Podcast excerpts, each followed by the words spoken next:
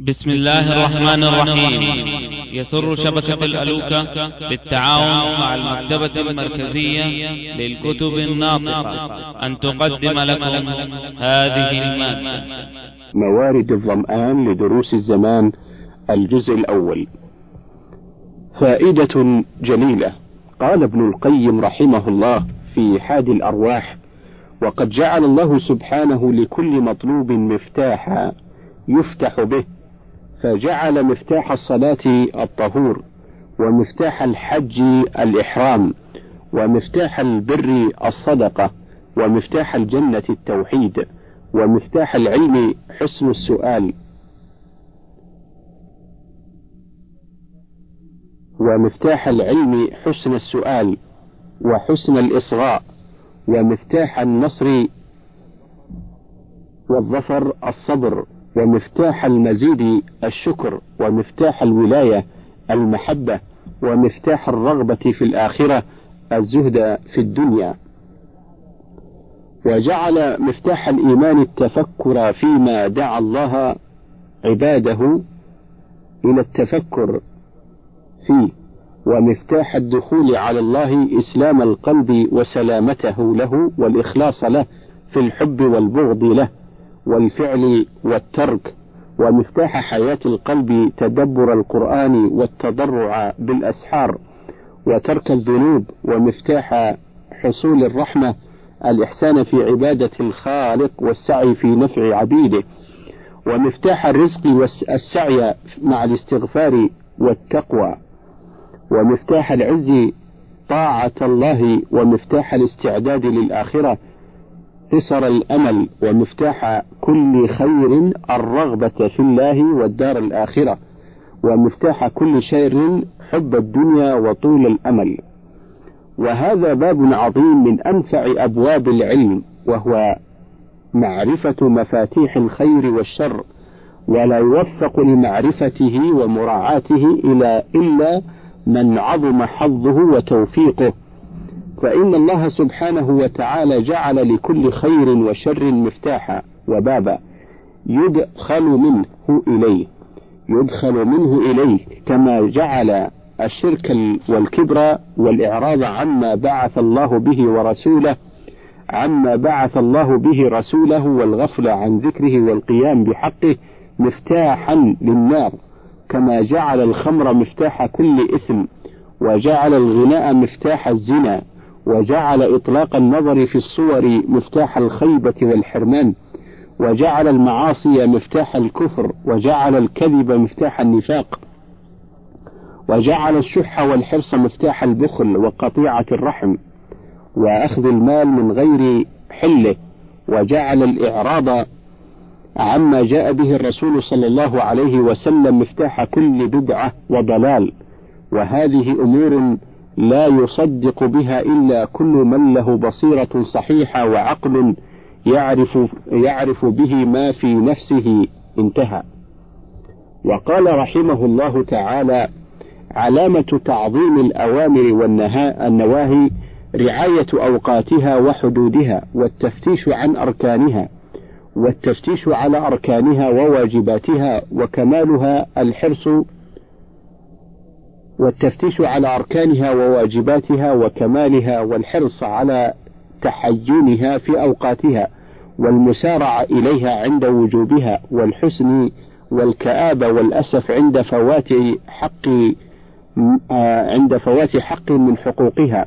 كمن يحزن على فوات الجماعة ويعلم أنها لو تقبلت منه صلاته منفردا فإنه قد فاته سبعة وعشرون ضعفا.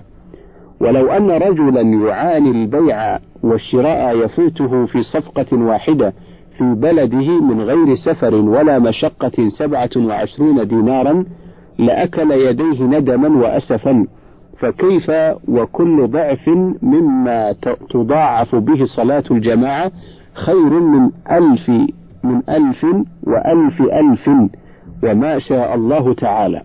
فإذا فوت العبد على نفسه هذا الربح وكثير من العلماء يقول لا صلاة له وهو بارد القلب فارغ من هذه المصيبة غير مرتاع لها فهذا من عدم تعظيم من عدم تعظيم أمر الله تعالى في قلبه.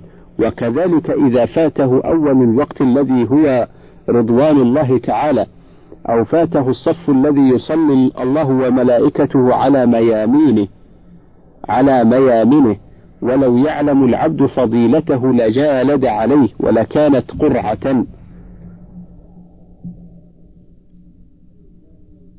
وكذلك لو فوت الجمع الكثير الذي تضاعف الصلاة بكثرته وكلما كثر الجمع كان أحب الله كان أحب إلى الله عز وجل وكلما بعدت الخطى كان كل خطوة تحط خطيئة وأخرى ترفع درجة.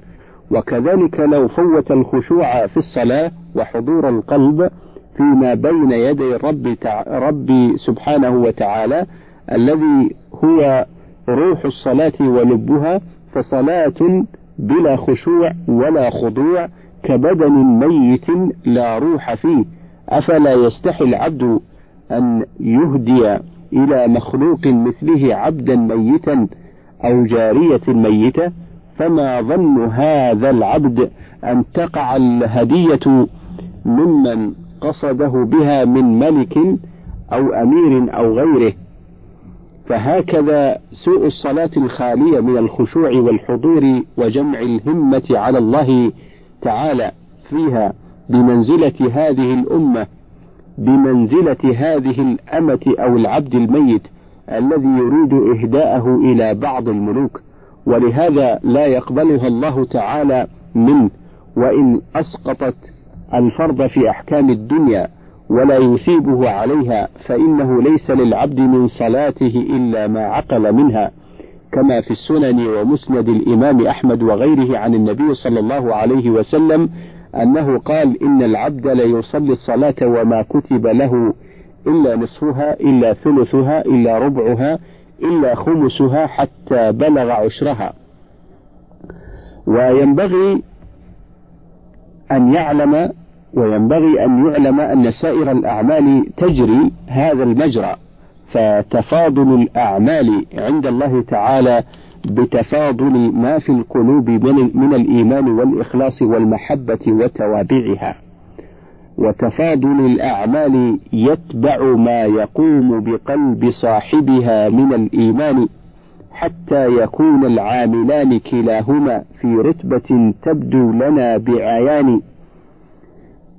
تبدو لنا بعيان هذا وبينهما كما بين السماء والأرض في فضل وفي رجحان ويكون بين ثواب ذا آه، ويكون بين ثواب ذا وثواب ذا رتب مضاعفة بلا حسبان. هذا غطاء الرب جل جلاله. هذا عطاء الرب جل جلاله. وبذاك تعرف حكمة الرحمن. فالمدار على أعمال القلوب فإذا كان القلب حاضرا وملقي سمعه لما يسمع ولما ينطق هو به من قراءة وتكبير وتسبيح وقول رب اغفر لي وقول سمع الله لمن حمده ومعاني الفاتحة والتحيات ونحو ذلك من صلاته. وأما الغافل الذي لا يتدبر ولا يتفهم ويعبث ولا يهتم لها فهذا محصوله ضئيل جدا أو معدوم. شعرا لك الحمد يا ذا الجود والمجد والعلا تباركت تعطي من تشاء وتمنع إلهي وخلاقي وسؤلي وموئلي إليك لدى الأعسار واليسر أفزع إليك لدى الإعسار واليسر أفزع إلهي لئن خيبتني وطردتني فمن ذا الذي عما أحاذر ينفع؟ إلهي لئن جلت وجمت خطيئتي فعفوك عن ذنبي أجل وأوسع. إلهي لئن أعطيت نفسي سؤلها فها أنا في روض الندامة أرتع. إلهي ترى حالي وفقري وفاقتي وأنت مناجاتي الخفية. وأنت مناجاتي الخفية وأنت مناجاتي الخفية تسمع. إلهي فلا تقطع رجائي ولا تزغ فؤادي. فلي في سيب جودك مطبع. إلهي أجرني من عذابك إنني أسير ذليل خائف لك أخضع. إلهي فأنسني إلهي فآنسني بتلقين حجتي إذا كان لي في, في القبر مثوى ومضجع. إلهي لئن عذبتني ألف حجة فحبل رجائي منك لا يتقطع. إلهي لئن عذبتني ألف حجة فحبل رجائي منك لا يتقطع. إلهي أذقني طعم عفوك يوم لا بنون ولا مال هنالك ينفع. إلهي لئن لم ترعني كنت ضائعا وإن كنت ترعاني فلست فلست أضيع.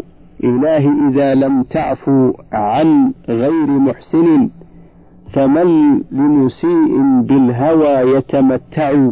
إلهي لئن قصرت في طلب التقى فلست سوى أبواب فضلك أقرع. إلهي أقلني عثرتي وامح زلتي فإني مقر خائف متضرع. إلهي لئن خيبتني وطردتني فما حيلتي يا رب أم كيف أصنع؟ إلهي حليف الحب بالليل ساهر. يناجي ويبكي والغفول يهجع. إلهي حليف الحب بالليل ساهر يناجي ويبكي والغفول يهجع.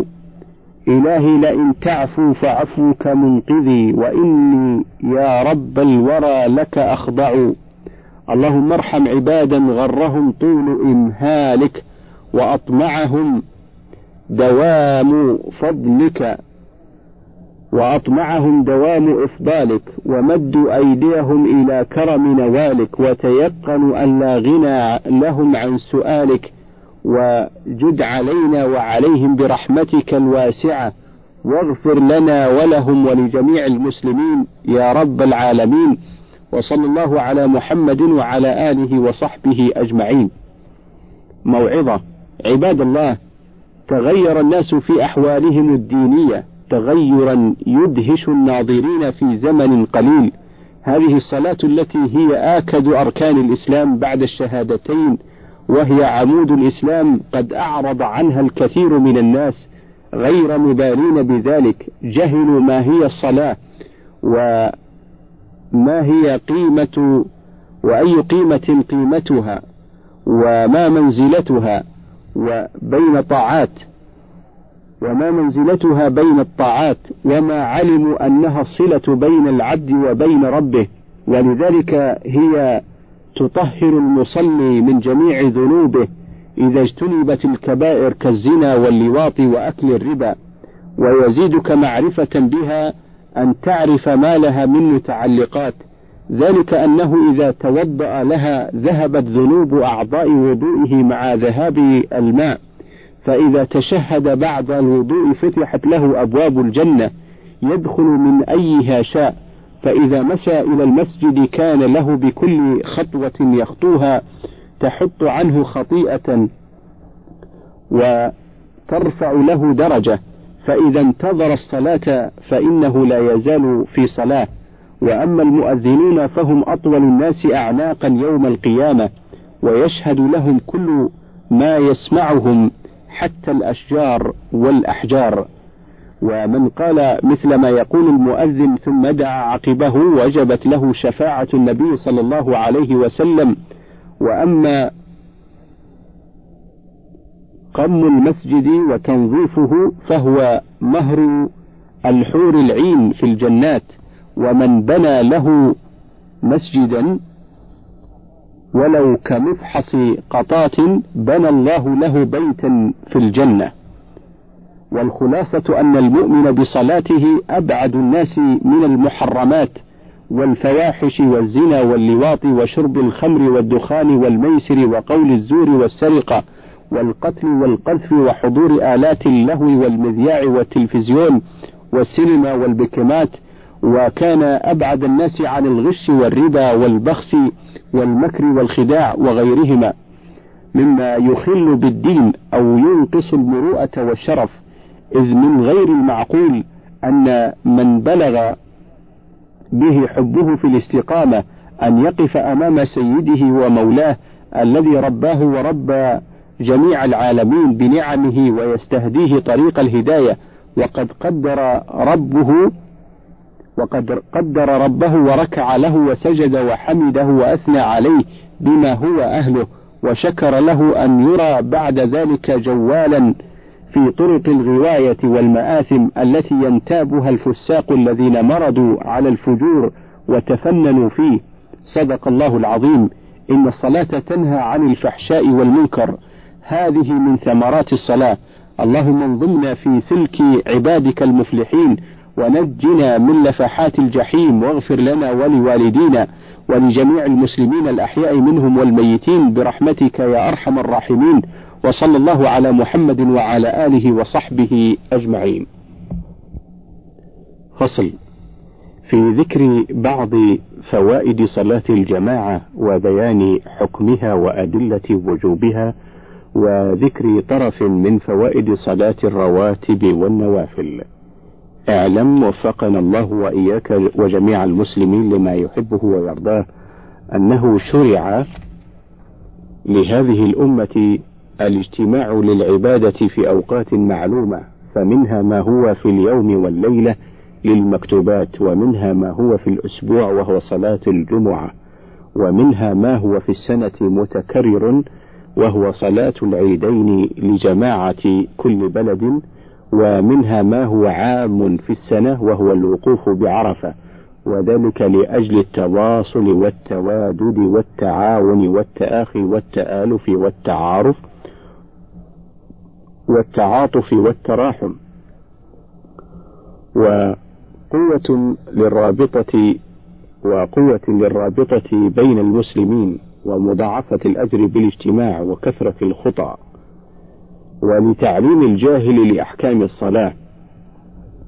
فصلاة الجماعة هي المتكرر يوميا الاجتماع لها في المساجد وهي واجبة وجوب عين على الرجال القادرين حضرا وسفرا. حتى في شدة الخوف لقوله تعالى وإذا كنت فيهم فأقمت لهم الصلاة فلتقم طائفة منهم معك وقال تعالى فإن خفتم فرجالا أو ركبانا. وعن أبي هريرة رضي الله عنه قال قال رسول الله صلى الله عليه وسلم أثقل الصلاة على المنافقين صلاة العشاء وصلاة الفجر ولو يعلمون ما فيهما لأتوهما ولو حبوا. ولقد هممت أن آمر بالصلاة فتقام ثم أمر رجلا فيصلي بالناس ثم انطلقوا معي برجال معهم. حزم من حطب إلى قوم لا يشهدون الصلاة فأحرق عليهم بيوتهم في النار. متفق عليه. وعن أبي هريرة أن رجلا أعمى قال يا رسول الله ليس لي قائد يقودني إلى المسجد. فسأل رسول الله صلى الله عليه وسلم أن يرخص له فيصلي في بيته. فرخص له فلما ولى دعاه فقال هل تسمع النداء؟ قال نعم قال فأجب. رواه مسلم والنسائي.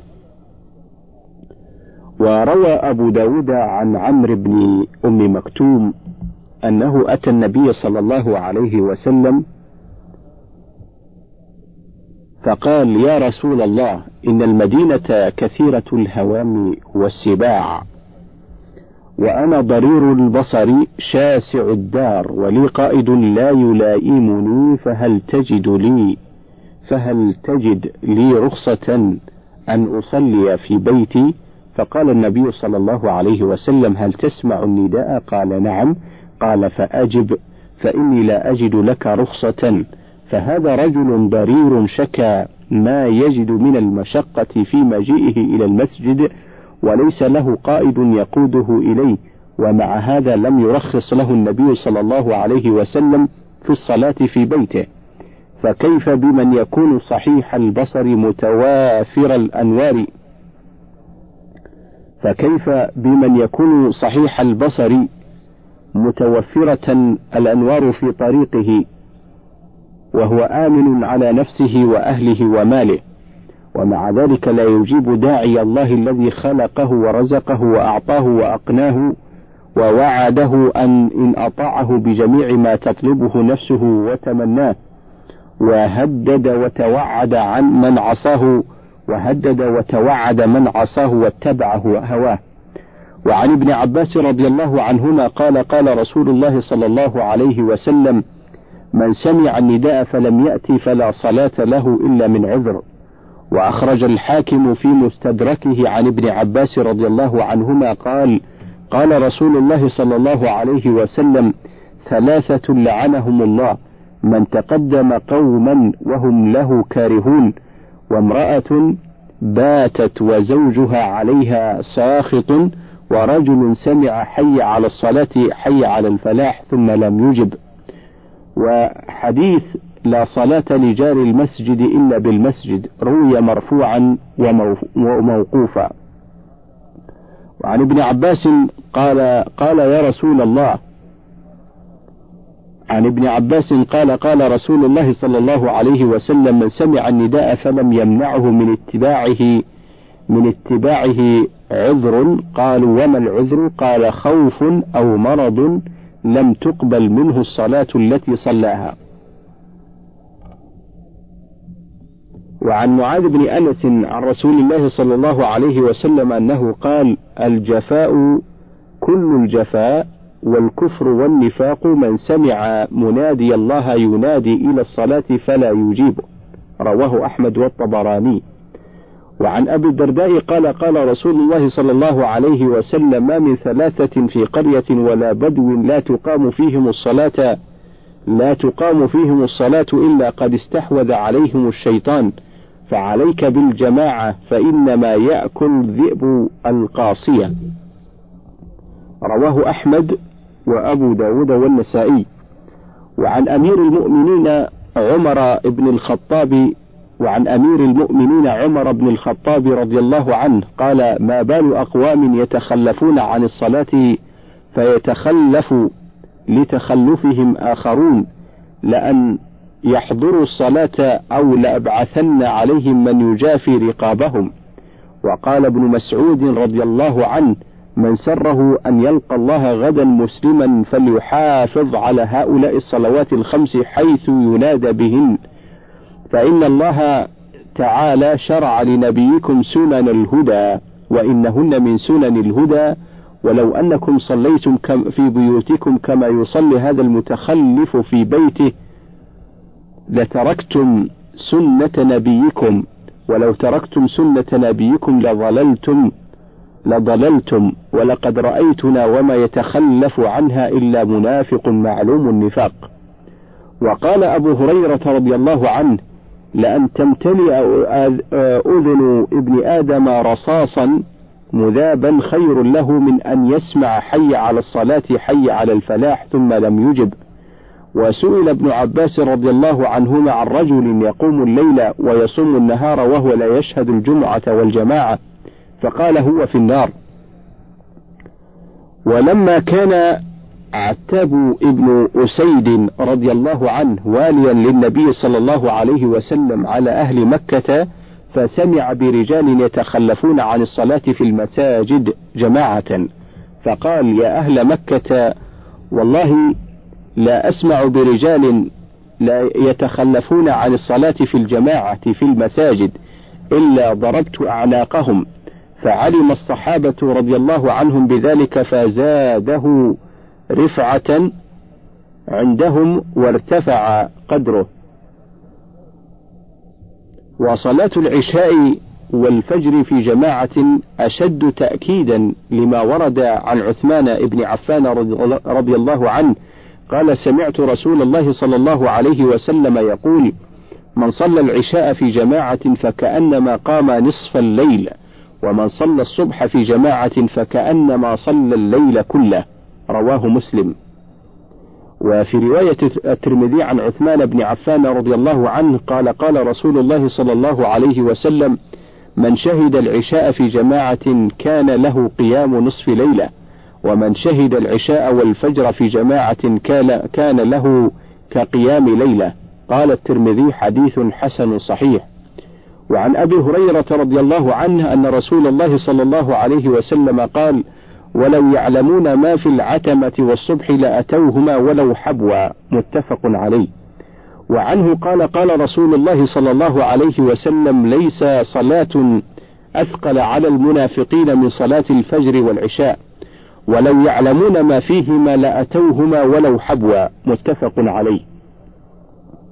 وروي عن أبي أمامة رضي الله عنه قال قال رسول الله صلى الله عليه وسلم من صلى العشاء في جماعة فقد أخذ بحظه من ليلة القدر. رواه الطبراني في الكبير. وعن جندب القسري رضي الله عنه قال قال رسول الله صلى الله عليه وسلم من صلى صلاة الصبح فهو في ذمة الله فلا يطلبنكم الله من ذمته بشيء فإنه من يطلبه من ذمته بشيء يدركه ثم يكبه على وجهه في نار جهنم رواه مسلم. فهذا نهي منه صلى الله عليه وسلم عن التعرض لمن هو في ذمة الله. لمن هو في ذمة الله بشيء من السوء.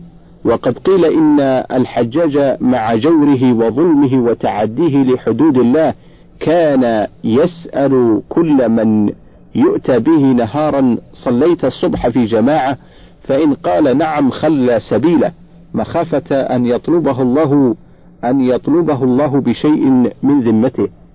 وعن ابن عمر رضي الله عنهما قال كنا إذا فقدنا الرجل في الفجر والعشاء أسأنا به الظن رواه الطبراني وابن خزيمة في صحيحه اللهم انظمنا في سلك عبادك المفلحين واحشرنا مع الذين أنعمت عليهم من النبيين والصديقين والشهداء والصالحين واغفر لنا ولوالدينا ولجميع المسلمين الأحياء منهم والميتين برحمتك يا أرحم الراحمين وصلى الله على محمد وعلى آله وصحبه أجمعين. فصل وصلاة الجماعة تفضل على صلاة الفذ بسبع وعشرين درجة كما ورد عن ابن عمر عن النبي صلى الله عليه وسلم قال صلاة الجماعة تفضل صلاة الفذ بسبع وعشرين درجة متفق عليه. وعن أبي هريرة رضي الله عنه قال قال رسول الله صلى الله عليه وسلم صلاة الرجل في جماعة تضعف على صلاته في بيته وفي سوقه خمسا وعشرين ضعفا. وذلك أنه إذا توضأ فأحسن الوضوء ثم خرج إلى المسجد لا يخرجه إلا الصلاة لم يخط خطوة إلا رفعت له بها درجة وحطت بها وحطت عنه بها خطيئة. فإذا صلى لم تزل الملائكة تصلي عليه ما دام في مصلاه ما لم يحدث. تقول اللهم صل عليه اللهم ارحمه. ولا يزال في صلاة من انتظر الصلاة متفق عليه. وورد عنه صلى الله عليه وسلم أنه قال من صلى أربعين يوما في جماعة يدرك التكبيرة الأولى كتب كتبت له براءتان من النار وبراءة من النفاق. رواه الترمذي وغيره من حديث أنس وهو حديث حسن صححه الحاكم وغيره. وقد ورد في فضل الصف الأول وإتمام الصفوف ما يلي. فعن جابر بن سمرة رضي الله عنهما قال خرج علينا رسول الله صلى الله عليه وسلم فقال ألا تصفون كما تصف الملائكة عند ربها؟ فقلنا يا رسول الله وكيف تصف الملائكة عند ربها؟ قال يتمون الصفوف الأول ويتراصون في الصف. رواه مسلم. وعن أبي هريرة رضي الله عنه أن رسول الله صلى الله عليه وسلم قال لو يعلم الناس ما في النداء والصف الأول ثم لم يجدوا إلا أن يستهموا عليه لاستهموا. متفق عليه. وعن أبي مسعود رضي الله عنه قال كان رسول الله صلى الله عليه وسلم يمسح مناكبنا في الصلاة ويقول استووا ولا تختلفوا فتختلف قلوبكم ليلني منكم أولو الأحلام والنهى. ثم الذين يلونهم ثم الذين يلونهم. رواه مسلم. وعن أنس رضي الله عنه قال قال رسول الله صلى الله عليه وسلم سووا صفوفكم فإن تسوية الصف من تمام الصلاة. متفق عليه. وعن البراء بن عازب رضي الله عنهما قال كان رسول الله صلى الله عليه وسلم يتخلل الصف من ناحية إلى ناحية يمسح صدورنا ومناكبنا ويقول لا تختلفوا فتختلفوا. فتختلف قلوبكم وكان يقول إن الله وملائكته يصلون على الصف الأول رواه أبو داود بإسناد حسن وعن ابن عمر رضي الله عنهما أن رسول الله صلى الله عليه وسلم قال أقيموا الصفوف وحاذوا بين المناكب وسدوا الخلل ولينوا بأيدي إخوانكم ولا تذروا ولا تذروا فرجات للشيطان ومن وصل صفا وصله الله ومن قطع صفا قطعه الله.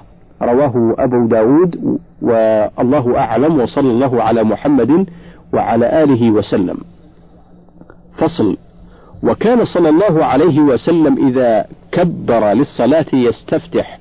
فعن أبي هريرة رضي الله عنه قال كان رسول الله صلى الله عليه وسلم إذا كبر في الصلاة سكت هنيهة قبل القراءة. فقول فقلت يا رسول الله بأبي أنت وأمي أرأيت سكوتك بين التكبير والقراءة؟ ما تقول؟ قال أقول اللهم باعد بيني وبين خطاياي كما ما كما باعدت بين المشرق والمغرب. اللهم نقني من خطاياي كما ينقى الثوب الأبيض من الدنس. اللهم اغسلني من خطاياي بالماء والثلج والبرد رواه الجماعة إلا الترمذي. وعن عائشة رضي الله عنها قالت كان النبي صلى الله عليه وسلم إذا استفتح الصلاة قال سبحانك اللهم وبحمدك وتبارك اسمك وتعالى جدك ولا إله غيرك رواه أبو داود والدار قطني. وكان يتعوذ قبل القراءة في الركعة الأولى بعد الاستفتاح فعن أبي سعيد الخدري عن النبي صلى الله عليه وسلم أنه كان إذا قام إلى الصلاة استفتح ثم يقول أعوذ بالله السميع العليم من الشيطان الرجيم من همزه ونفخه ونفثه. رواه أحمد والترمذي. وقال ابن المنذر جاء عن النبي صلى الله عليه وسلم أنه كان يقول قبل القراءة أعوذ بالله من الشيطان الرجيم. وعن أبي سعيد الخدري أن النبي صلى الله عليه وسلم كان يقرأ في صلاة الظهر في الركعتين الأوليين في كل ركعة قدر ثلاثين آية وفي الأخريين قدر خمسة عشر آية. قدر خمس عشرة آية أو قال نصف ذلك. وفي العصر في الركعتين الأوليين في كل ركعة قدر خمس قدر خمس عشرة آية. وفي الأخريين قدر نصف ذلك رواه أحمد ومسلم. وعن جبير بن مطعم قال سمعت رسول الله صلى الله عليه وسلم يقرأ في المغرب بالطور رواه الجماعة إلا الترمذي. وعن ابن عباس أن أم الفضل بنت الحارث سمعته وهو يقرأ والمرسلات عرفا فقالت يا بني لقد ذكرتني بقراءتك هذه السورة أنها إنها لآخر ما سمعت من رسول الله صلى الله عليه وسلم يقرأ بها في المغرب رواه الجماعة إلا ابن ماجه. وقال أبو برزة الأسلمي كان النبي صلى الله عليه وسلم يصلي الصبح فينصرف الرجل فيعرف جليسه وكان يقرأ في الركعتين أو إحداهما ما بين الستين إلى المئة متفق على صحته. وفي صحيح مسلم عن عبد الله بن السائب قال صلى بنا رسول الله صلى الله عليه وسلم الصبح بمكة فاستفتح سورة المؤمنين حتى إذا جاء ذكر موسى وهارون أو ذكر عيسى أخذت النبي صلى الله عليه وسلم أخذت النبي صلى الله عليه وسلم سعلة فركع. وروى النسائي من حديث ابن مسعود أن النبي صلى الله عليه وسلم قرأ في المغرب بالدخان. وفي صحيح مسلم من حديث أبي سعيد الخدري قال كانت صلاة الظهر تقام فينطلق أحدنا إلى البقيع فيقضي حاجته ثم يأتي أهله فيتوضأ ثم يرجع إلى المسجد ورسول الله صلى الله عليه وسلم في الركعة الأولى. وقال أبو سعيد الخدري كنا نحزر قيام رسول الله صلى الله عليه وسلم في الظهر والعصر فحزرنا قيامه في الركعتين الأوليين من الظهر قدر ألف لام ميم تنزيل السجدة وحزرنا قيامه في الأخريين قدر النصف من ذلك وحزرنا قيامه في الركعتين الأوليين من العصر على النصف من ذلك.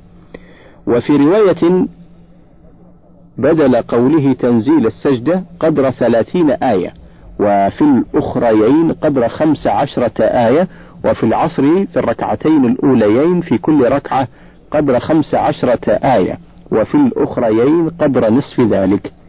وفي سنن النسائي عن البراء قال كان رسول الله صلى الله عليه وسلم يصلي بنا الظهر فنسمع منه الآية من سورة لقمان والذاريات.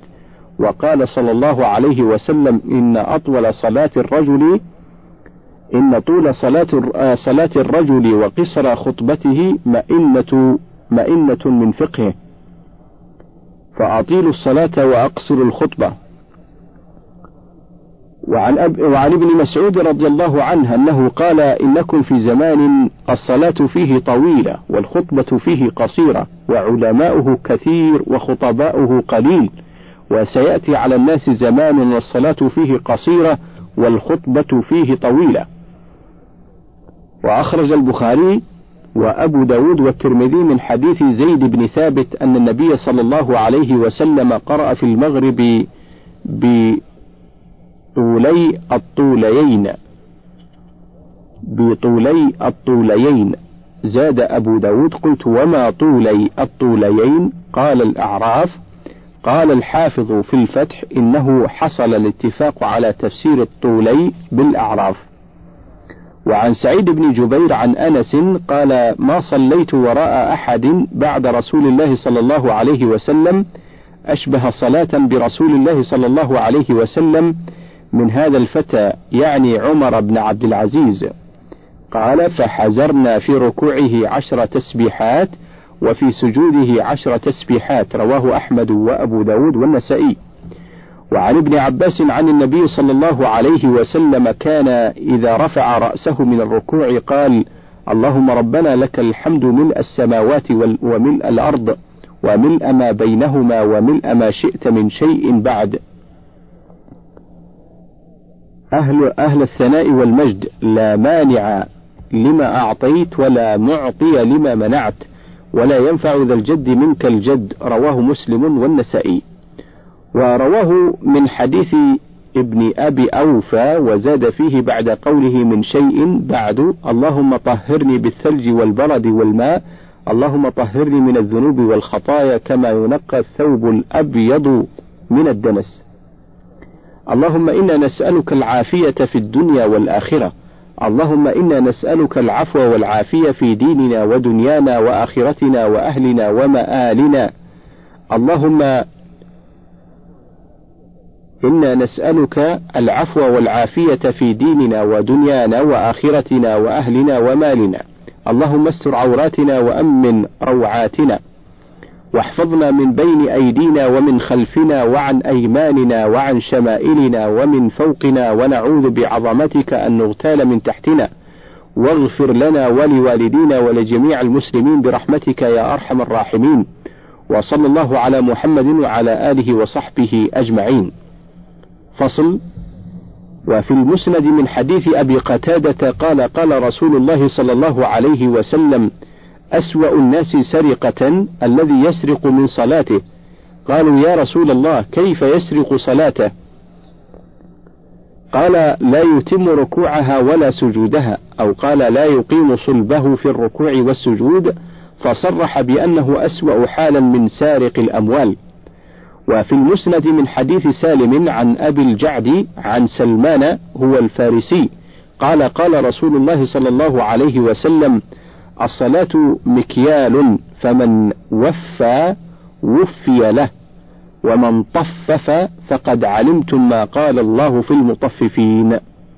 وقال ابن القيم رحمه الله والإيجاز هو الذي كان يفعله صلى الله عليه وسلم لا الإيجاز الذي كان يغتنه من لم يقف على مقدار صلاته فإن الإيجاز أمر نسبي إضافي. راجع إلى السنة لا إلى شهوة الإمام ومن خلفه. فلما كان يقرأ في الفجر بالستين إلى المئة كان هذا الإيجاز بالنسبة إلى ستمائة إلى ألف. ولما قرأ في المغرب بالأعراف كان هذا الإيجاز بالنسبة إلى البقرة. ويدل على هذا أن أنسا نفسه قال في الحديث الذي رواه أبو داود والنسائي من حديث عبد الله بن إبراهيم بن كيسان حدثني أبي عن وهب بن مأنوس سمعت سعيد بن جبير يقول سمعت أنس بن مالك يقول ما صليت وراء أحد بعد رسول الله صلى الله عليه وسلم أشبه صلاة برسول الله صلى الله عليه وسلم من هذا الفتى يعني عمر بن عبد العزيز. فحزرنا في ركوعه عشر تسبيحات وفي سجوده عشر تسبيحات.